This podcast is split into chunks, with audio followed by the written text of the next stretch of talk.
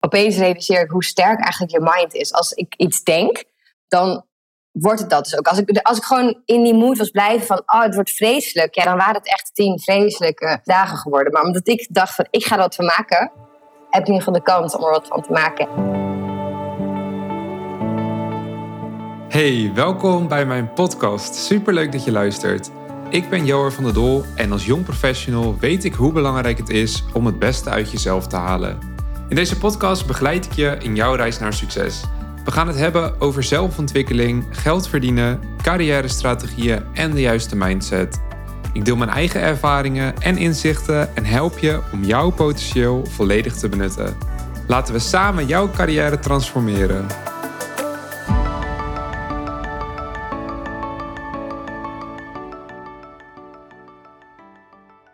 Het interview met Steffi Roos Dumene.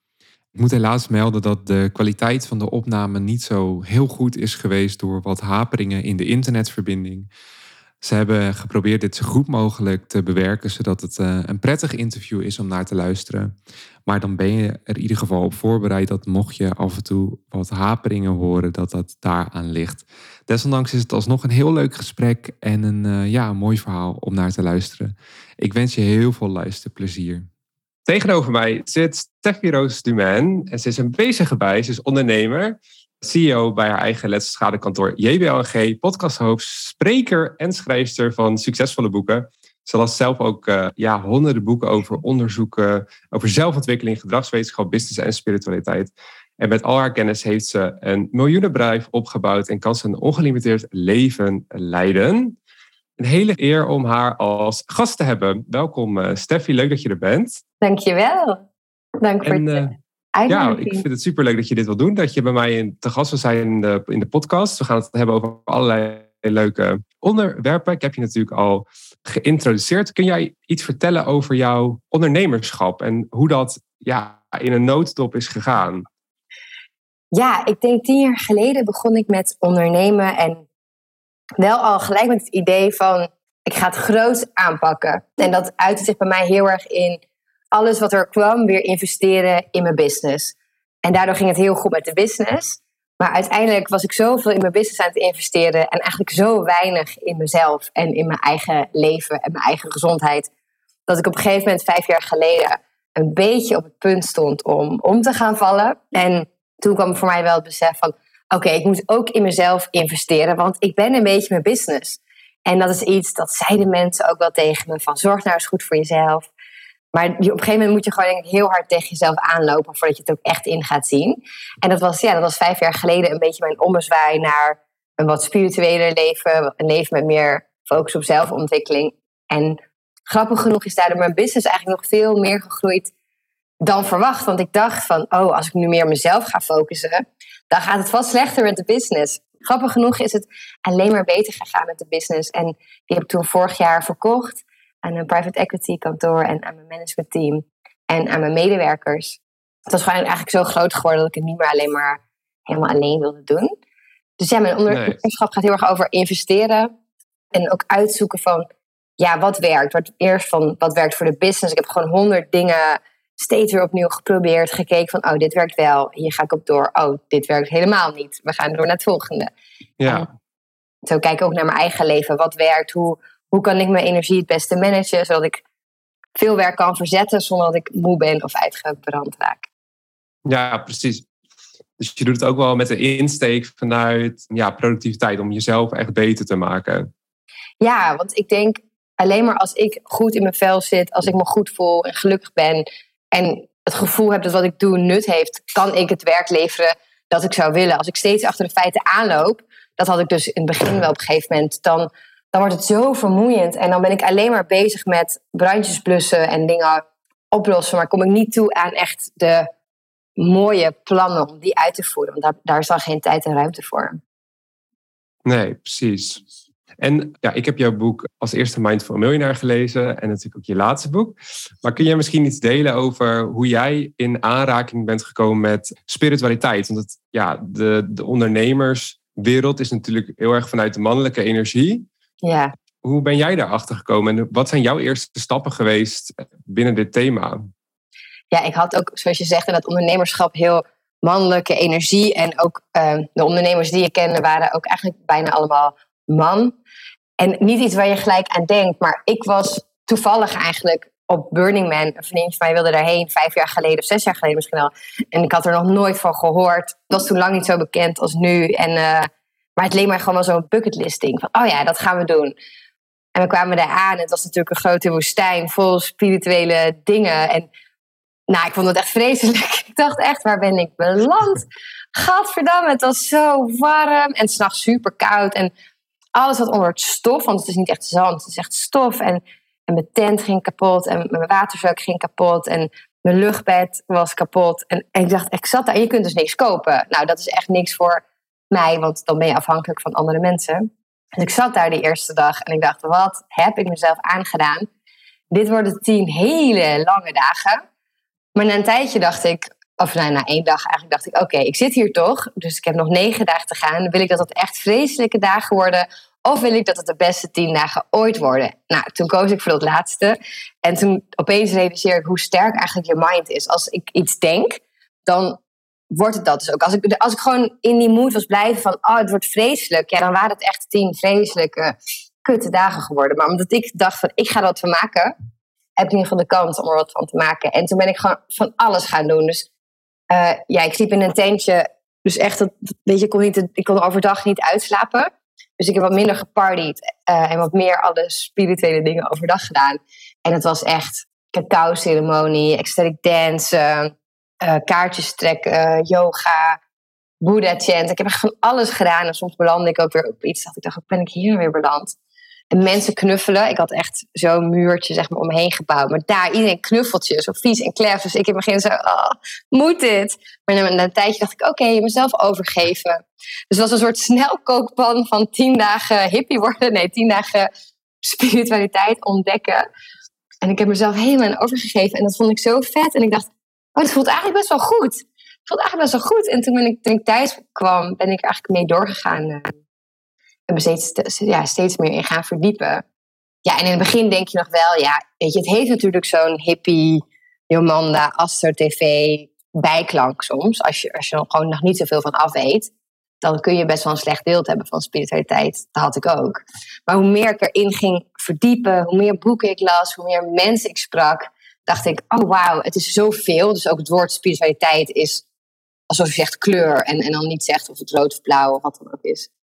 En toen dacht ik, ja, ik ga gewoon kijken wat er bij mij past. Dus ook dat heb ik best wel weer zo aangepakt. Net als mijn business. Van oké, ik kijk gewoon wat er allemaal is. Ik ga mezelf er heel erg in verdiepen. En dan kies ik gewoon wat bij mij past en wat voor mij werkt. Ja, en wat zou jij mensen aanraden die met spiritualiteit bezig willen gaan? Ja, waar kunnen ze mee beginnen? Iets denk ik dat heel makkelijk is. Want je hoort best wel vaak van, oh, ga mediteren is zo goed voor je. Ja, is super goed voor je, maar oh, het is ook echt moeilijk. En ook best wel een beetje confronterend om zo even een kwartier met je eigen gedachten te zitten. Dat, dat doen we niet zo heel vaak. En als je dat voor het eerst doet, kan het best wel intimiderend zijn. En ook heel moeilijk in de zin van, wow, ik, hoor wel eens mensen dan met wie ik voor het eerst ga mediteren. En dan zeggen ze, nou, ik kon echt maar een minuut of zo geen gedachten hebben. Dan denk ik, een minuut? Ik kan geen twee seconden zonder gedachten hebben. Maar dat denk je dan, denk je van, ja, het is echt, echt lastig. Dus ik zou, ik zou niet adviseren met mediteren te beginnen als je, dat, als je er niet zoveel mee hebt. Maar wel bijvoorbeeld met dankbaarheid. Dat, je elke avond drie dingen opschrijft of ochtend. Waar je dankbaar voor bent. Het begin het heel Amerikaans. En dan weet je zo van, oh, nou dan ga ik dit nu doen. Ik vond het echt een stomme dag, maar ik schrijf maar drie dingen op. Maar toch, het werkt echt. Want je gaat erover nadenken. Je krijgt een glimlach onbewust op je gezicht. En ik val daardoor altijd helemaal lekker ja, in slaap. En als je echt lekker lui wilt beginnen, kan ik, kan ik mijn app, ik zit nu te denken, hoe hoe houd ik het allemaal bij? Ik heb een app die is gewoon gratis, ongelimiteerd leven. En daar kun je dus bijhouden waar je dankbaar voor bent en waar je trots op bent. En ja, ik, vond, ik, ik zocht zelf een soort makkelijke manier om het allemaal bij te houden. Dus had ik een app uh, gemaakt. Daar zit het allemaal in. Ja, maar ik vind dankbaarheid wel dankbaarheid. echt Ja. ja, dat is wel een goede om uh, mee te beginnen, denk ik ook. Ja, en je, hebt, je, je noemde je app al, maar je hebt ook je boek uh, onlangs uitgebracht. Ongelimiteerd Leven. Het heeft een knalroze cover. Maar uh, als je erin leest, dan kun je ook alle woorden vrouw voor man of weet ik veel. Uh, iedere gender kun je die uh, vervangen. Dus ook voor de mannelijke luisteraars die mij volgen. Het is echt een heel erg leuk boek. En daarbij heb je ook echt een hele formule bedacht. Met onder andere ook dankbaarheid. Kun Kun je ons eens meenemen? Hoe, hoe gaat zo'n proces van, van ja, idee tot uitvoering als je zo'n boek gaat maken en bedenken? Ja, bij mij ging dat echt weer. Ik wilde een nieuw boek ook schrijven en ik heb nu een hele leuke uitgever. Dus ik had een beetje een idee en dat vond zij ook heel leuk. Het zou meer gaan over missie op je werk en, en dat soort dingen. En ik zou een voorstel dan schrijven. En toen was ik op vakantie, in, uh, ik was toen in Guatemala. En ik was mijn laptoplader thuis vergeten. En ik kon nergens een nieuwe vinden. Dus ik had, oh nee, Costa Rica eerst. Ik overal stoppen, elk dorpje van, heb je ook een laptoplader? Nou, niemand had dat. Later wist ik niet. Ik had blijkbaar ook gewoon een MacBook-lader kunnen doen. Maar goed, uh, ik tien winkels af. Ik vond hem niet. Dus ik zat die hele twee weken zonder lader. En ik kon dus ook niet op mijn laptop. Maar grappig, dus ik kon dat voorstel niet schrijven. Maar daardoor dacht ik wel steeds in mijn hoofd over mijn boek en dingen. En opeens kwam het echt als zo'n download binnen van... nee, ik moet een compleet ander boek schrijven.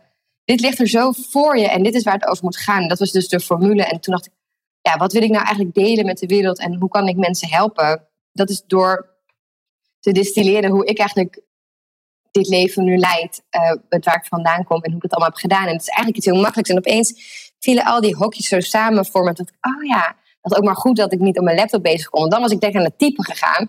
Direct aan het, aan het uh, ja, schrijven. Zoiets moet gewoon ontstaan eigenlijk. Dus juist door die ruimte er te laten zijn, gedwongen, kon er iets veel mooiers ontstaan dan wat ik de hele tijd al in mijn hoofd had. En dus kwam ik terug en zei ik tegen mijn uitgever, ja, het wordt iets anders. Ik heb dit, maar die was gelijk ook super enthousiast. Die zei, oh ja, dit niet, dit voel ik helemaal. En uh, iedereen was heel enthousiast gelijk. Ja, dus je had eigenlijk de basis al bedacht voor de formule. En dan Ga je dan de hoofdstukken schrijven? Hoe gaat zoiets verder? Ja, ik denk um, bij mij best wel organisch. Dus ik ga gewoon bedenken van, oh, wat vind ik leuk om over te schrijven. En daar schrijf ik dan over. En zo komt er steeds weer iets bij. En dan ga ik heel erg nadenken, ook bij, dat ik ook met mijn vorige boek van, oké, ik heb allemaal losse stukken geschreven. Maar hoe wordt het nou een logisch verhaal? Waardoor mensen, ik wil wel dat als je het leest, je echt een beetje bij de hand wordt genomen. En aan het eind denkt, yes, hier heb ik wat aan. Soms ook zelf, dan lees ik zo en dan denk je aan het eind, ja, ik vond het allemaal wel interessant. Maar wat heb ik nou precies gelezen? Ik hou heel erg van structuur en een opbouw. En, en dat je weet van, oh ja. Dus toen zat ik een beetje met, ik had heel veel dingen te vertellen. En ik had de hele formule. Maar toen opeens dacht ik van, oh ja, de, precies de vijf stappen die ik ook doorga in Mindful Millionaire. Maar daar behandel ik ze even heel kort aan het begin. Maar die stappen, dat, dat voelen, verbinden, loslaten, focussen en genieten. Dat past weer zo goed bij deze formule. Als je die stappen doorloopt, heb je die formule in handen. Dus toen viel alles weer samen en dacht ik, oh ja, dit is gewoon, heel, ja, dit is gewoon hoe ik dingen aanpak blijkbaar in mijn leven en wat werkt. Dus daar ga ik het weer zo omschrijven. Ja, mooi.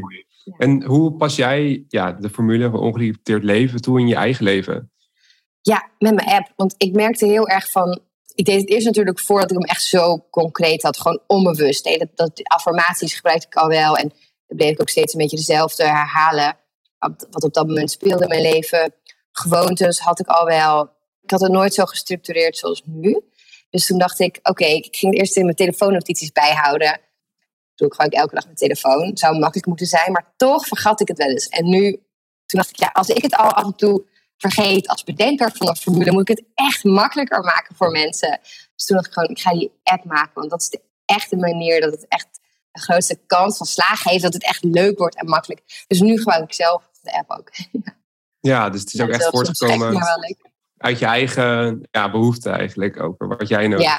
hebt. Ja, precies. Ja, mijn eigen frustratie met mezelf. Dat ik zelf dacht, ah, het is zo makkelijk. Waarom lukt het me gewoon niet? Maar ja, dat, zo zitten we gewoon in elkaar. Ja, precies.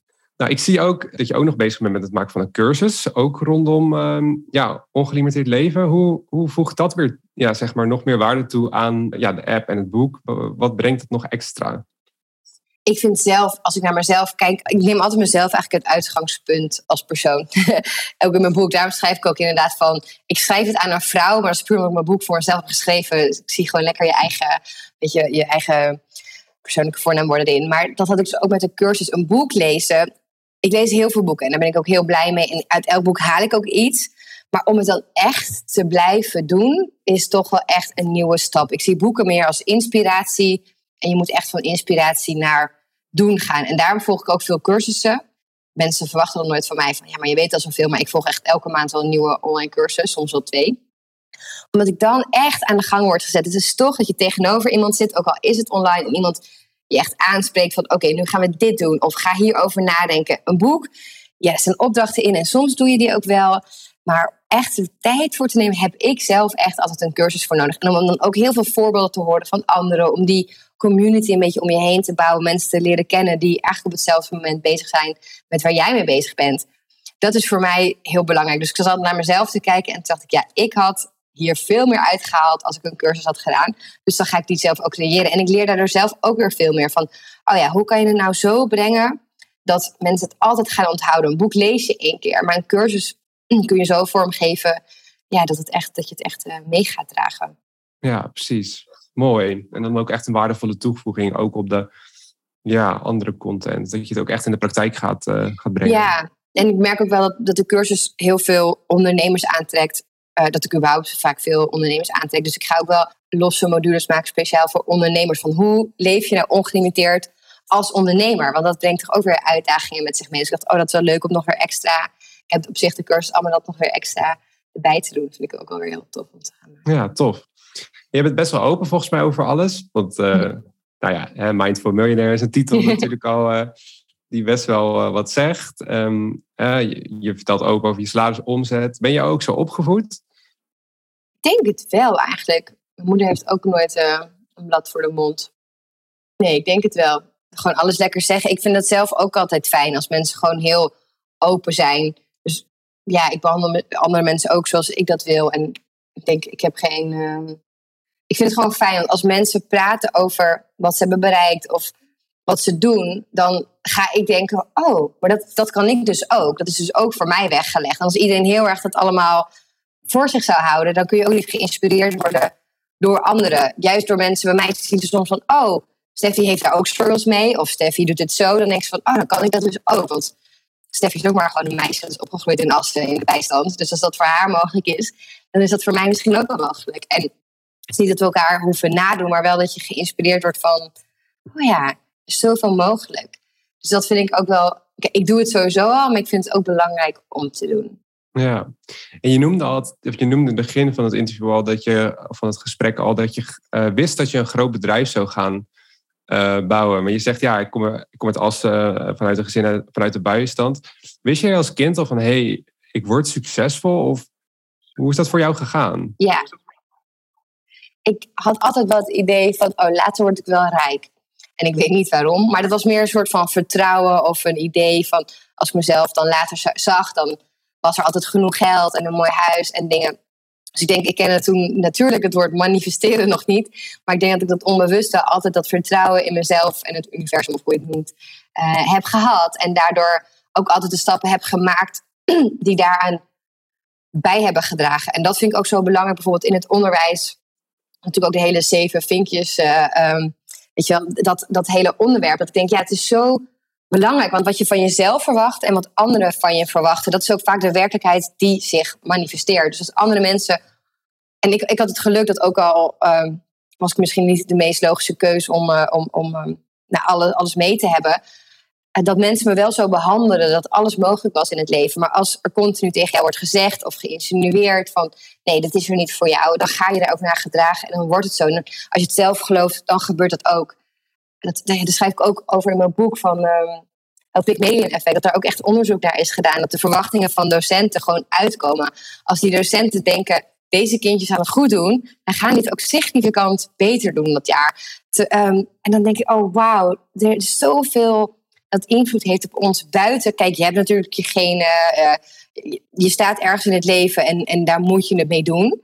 Maar dat is dus niet alles. Er is nog zo'n groot veld aan verwachtingen wat daaromheen hangt verwachtingen van jezelf, verwachtingen van anderen, die dan mede gaan bepalen waar jij gaat staan in het leven. En dat vind ik iets heel interessants en het heeft heel veel uh, voordelen. Want ook als je dus niet de slimste of de mooiste of de sterkste bent, kun je wel de sterkste uh, worden of de rijkste of wat dan ook.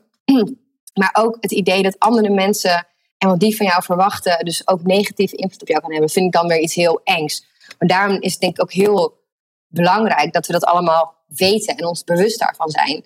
Zodat je zelf kan weten, dit is wat ik van mezelf verwacht en ik ga hier helemaal voor. Ja, precies. En dat heeft een invloed, of je nou wil of niet. Ja, want dan kun je ook natuurlijk die energie weer afsluiten en, en daar Uh, ja, want alles om je heen is natuurlijk energie. Dus ook uh, wat andere mensen ja, voor jou manifesteren. Uh, ja. Ja, dat was ook een onderzoek, dat vond ik ook, want dat was niet onder kinderen, maar gewoon over onder volwassen mannen. Mensen, mannen die het leger ingingen. En dan denk je van, nou, je bent gewoon sterk, een bepaalde hoeveelheid, hoe sterk je bent, weet je, hoe getraind je bent. En daarop ben je beter of slechter op zo'n trainingskamp. Dat denk je dan als, als leek. Maar wat bleek nu is dat ze hebben mensen gewoon randomly ingedeeld. Op gemiddeld of op hoog en op, op onbekende groep. En de mensen uit die gemiddelde groep deden dus slechter dan de mensen uit die hoge groep. Terwijl er, weet je, qua, qua genen, qua sterkte, qua spieren, qua hoe getraind ze waren, was het helemaal random. Maar dan gewoon wat iemand op jou projecteert, wordt waar. Nou, het is echt bizar als je erover nadenkt. Ja, maar het biedt zoveel kansen juist ook. Dat is ja, zo gaaf als je ermee aan de slag gaat. dat er een, um, een wereld uh, voor je open gaat en allemaal kansen en mogelijkheden. Ja. Naar mijn uh, podcast luisteren veel jong professionals. Uh, als jij even in de voetsporen gaat staan van de, ja, de Steffi van begin 20, hoe zag je leven eruit en, en ja, wat was je persoon? Begin 20, ja, toen studeerde ik nog. Ik heb best wel lang over mijn studie gedaan. Um, in Parijs, toch? En ik wist. Wat zei je? Je was toch naar Parijs? Ja, ik ben, ja, ik ben naar Parijs geweest. En ik heb allemaal, allemaal dingen gedaan. En gedeputeerd, inderdaad. Maar ik dacht aan begin 20. Ik wist totaal niet wat ik wilde toen ik klaar was met mijn studie. Echt totaal niet. Ik wist alleen maar dat ik niets wilde doen met mijn studie. En dat vond ik best wel heel beangstigend. Want je bent zo heel erg opgevoed, of in ieder geval groot geworden met het idee, je studeert iets en daarin ga je een baan zoeken. En ik dacht, oh, ik, heb, ik had zoveel spijt van mijn studie en ik was zo boos op mezelf. En uh, ik dacht, waarom heb ik nou niet voor echt een soort specialistische studie gekozen, dat ik daar helemaal vol voor kan gaan. En op een gegeven moment dacht ik, wacht, nee, ik ga het omdraaien. Ik ga gewoon kijken, wat wil ik doen? En dat ga ik nu gewoon voor mezelf creëren. Dus toen ben ik een boekhandel begonnen en uh, heb ik het bedrijf overgenomen om dat groot te gaan maken. Dat was toen nog heel erg klein. Dus ik ben echt totaal iets anders gaan doen. Maar ik vond het wel heel spannend en dat kostte ook wel moed om die keuze te maken. Want het is gewoon veel logischer dat je iets doet wat er voor jou is. Ja, het pad dat voor jou is neergelegd. Maar dan was ik nooit hier geweest, had ik nooit boeken kunnen schrijven. Had ik nooit de wereld over kunnen reizen, ondernemer kunnen worden. Maar ja, ondernemer zijn is niet iets wat je leert op school. En het is ook niet een optie die tenminste in mijn tijd die aan mensen wordt gegeven van hé, hey, je kan ook voor jezelf gaan werken. Best jammer eigenlijk. Dus ik zou juist op die leeftijd, de keuzes die je maakt, zijn gewoon altijd zo belangrijk voor de rest van je leven. Dus ik zou heel goed nadenken over hé, hey, uh, wat wil ik en wat kan ik allemaal en wat is er mogelijk voor mij? En daarin geen hokjes voor jezelf creëren. Want ik heb dit gestudeerd, dus ik moet dit gaan doen. En ook weten, ja, het is een keuze die belangrijk is voor je rest van je leven, maar je ligt nooit vast. Weet je, wel. je kan ook een paar jaar dit gaan doen en dan denk ik, ik ga iets heel anders gaan doen. Dus niet denken dat het verhaal. niet denken dat het verhaal voor jou al is geschreven. Dat is het belangrijkste, dat je dat realiseert. Wat je ook doet, alles ligt nog open. En in die zin is er dus ook geen foute keuze. Ja, het is belangrijk dat je een keuze maakt en daar helemaal achter staat op dat moment. Maar het is nooit een foute keuze. Je kan altijd weer iets anders doen. Dus ga maar gewoon wat proberen en ga ervan genieten. En dan komt het allemaal goed. Nee, maar dan, dan, dan, dan ben je het meest trots op jezelf als je echt iets doet wat je zelf wilt. Dus ook de tijd neemt om even te kijken van, hé, hey, wat wil ik? En daar aandacht aan besteedt. In plaats van maar doorgaan in die molen waarin we zijn beland. Mooi. Dat is een mooi advies gelijk voor de jong professionals die luisteren. Ja, oh, en nog een ander advies dat ik ook echt heel belangrijk vind.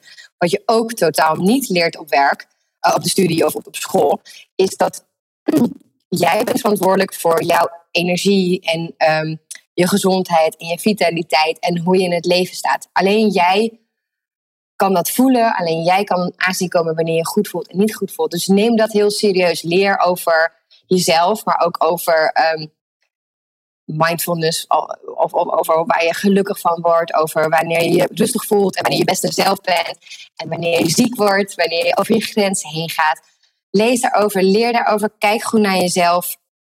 Want dat is echt iets wat we denk ik allemaal veel meer mogen leren. Hoe we die verantwoordelijkheid kunnen nemen en hoe we dat duidelijk kunnen maken. En ook voor onszelf van hey, ik heb nu te hard gepartied dit weekend. Of ik heb me te druk gemaakt over iets op werk. Ik heb me te druk gemaakt over wat er in mijn familie gebeurt. Of er gebeurt gewoon veel. Ga gewoon voor jezelf heel erg kijken van oké, misschien wil je gewoon minder gaan werken. Niemand zegt dat je vijf dagen en 80 uur hoeft te werken. Niemand zegt dat je daar moet blijven werken. Je kan ook iets heel anders gaan doen. Misschien doe je niet meer elk weekend uit en ga je een keer op een retreat in plaats van op een backpackvakantie. Dus kijk van, oké, hoe zorg ik dat mijn leven mijn leven blijft en dat ik daar genoeg energie uit haal en mezelf weer kan opladen. Want we gaan maar door en dan vallen we om en dan denken we, oh uh, ja, is het, ligt het aan de werkgever? Moet dit het misschien fixen? Is het... Nee, maar wij kunnen alleen maar onszelf daarvoor behoeden. Dus nee, ja, neem jezelf heel erg serieus daarin.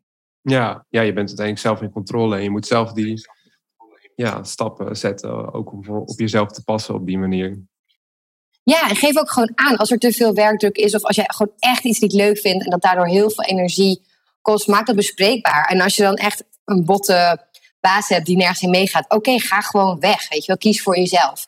Maar maak het wel eerst bespreekbaar, want vaak is er veel meer mogelijkheid dan je zelf denkt. Ja, precies. En als dat niet zo is, dan zit je gewoon verkeerd. dan ga je gewoon weg. Ja, zo simpel is het, hè? Ja. In, veel, uh, in de ogen van veel mensen ben je succesvol als je ja, miljonair bent. Nou, jij hebt dat punt bereikt. Hoe voelde dat voor jou toen je de top bereikte? Ja, ik moet zeggen, bij de eerste miljoen omzet was ik wel heel blij. En heb ik ook het hele team meegenomen naar een luxe hotel en het strand en uh, uit eten en massages. Maar voor mij als persoon maakte dat nog helemaal geen verschil.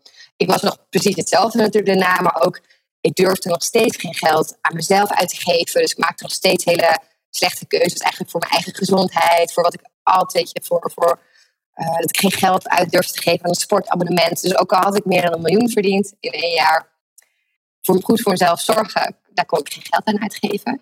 Dus voor mij dit nu succesvol en je rijk voelen veel meer in ja, hoe, je, hoe waardevol je jezelf vindt en wat je daarmee doet. Je kan heel veel geld verdienen, maar jezelf nog steeds helemaal niet waardevol vinden. En ik denk als jij ook geld nodig hebt, een, een salaris of, of een, tuurlijk heb je een lekker salaris nodig en lekker inkomen om fijn te kunnen leven. Dat kost allemaal veel geld. Maar dat is niet hoe waardevol jij bent. En ik denk, dat is best wel moeilijk om dat los te koppelen. Omdat, omdat je dus geld nodig hebt om lekker te kunnen leven. Maar zodra je dat veel meer in gaat zien, dan pas kun je echt rijk worden ook van binnen. En dat heeft bij mij best lang geduurd. Ik had best wel um, veel graafwerk nodig en veel spirituele dingen die ik heb gedaan om, uh, om mezelf veel meer op waarde te kunnen schatten. Ja, precies. En welke doelen heb je nu nog voor jezelf die je wil bereiken? Want ik kan me ook goed voorstellen dat je ja, je doelen misschien ook veranderen in de loop der jaren. Dat het minder van geld gaat naar juist ja, andere doelen in het leven. Ja, voor mij is een doel ook echt wel genieten. En dat klinkt heel stom, misschien cliché, maar dat kan ik. Ik ben altijd weer bezig, en het is vast wel herkenbaar voor ambitieuze mensen die nu luisteren, met het nieuwe doel. Dus dan heb je iets behaald en dan ga je weer door. Dus altijd weer iets groters, iets meers. Een beetje rupsje nooit genoeg, weet je wel? Ja, dus precies. voor mij is ja, voor mij is in rust kunnen zijn en niet alweer helemaal vol opgaan met het volgende. Gewoon hier en nu. Dat is voor mij echt wel een doel, dat ik daarvan kan genieten. En het mooie is, dan ontstaan de mooiste ideeën voor weer daarna. Maar ik ben altijd heel erg gehaast en ik wil direct door. En ja, daarmee ontstaan niet de mooiste, beste dingen. Dus voor mij even een stapje terug, los kunnen laten. Dat is nu vaker mijn doel. En verder heb ik natuurlijk, ik wil weer een nieuwe business opbouwen rondom ja, het ongelimiteerd leven, Mindful Millionaire. Dus om, om alle andere dingen die ik doe, met cursussen, kaartenreeks, boeken.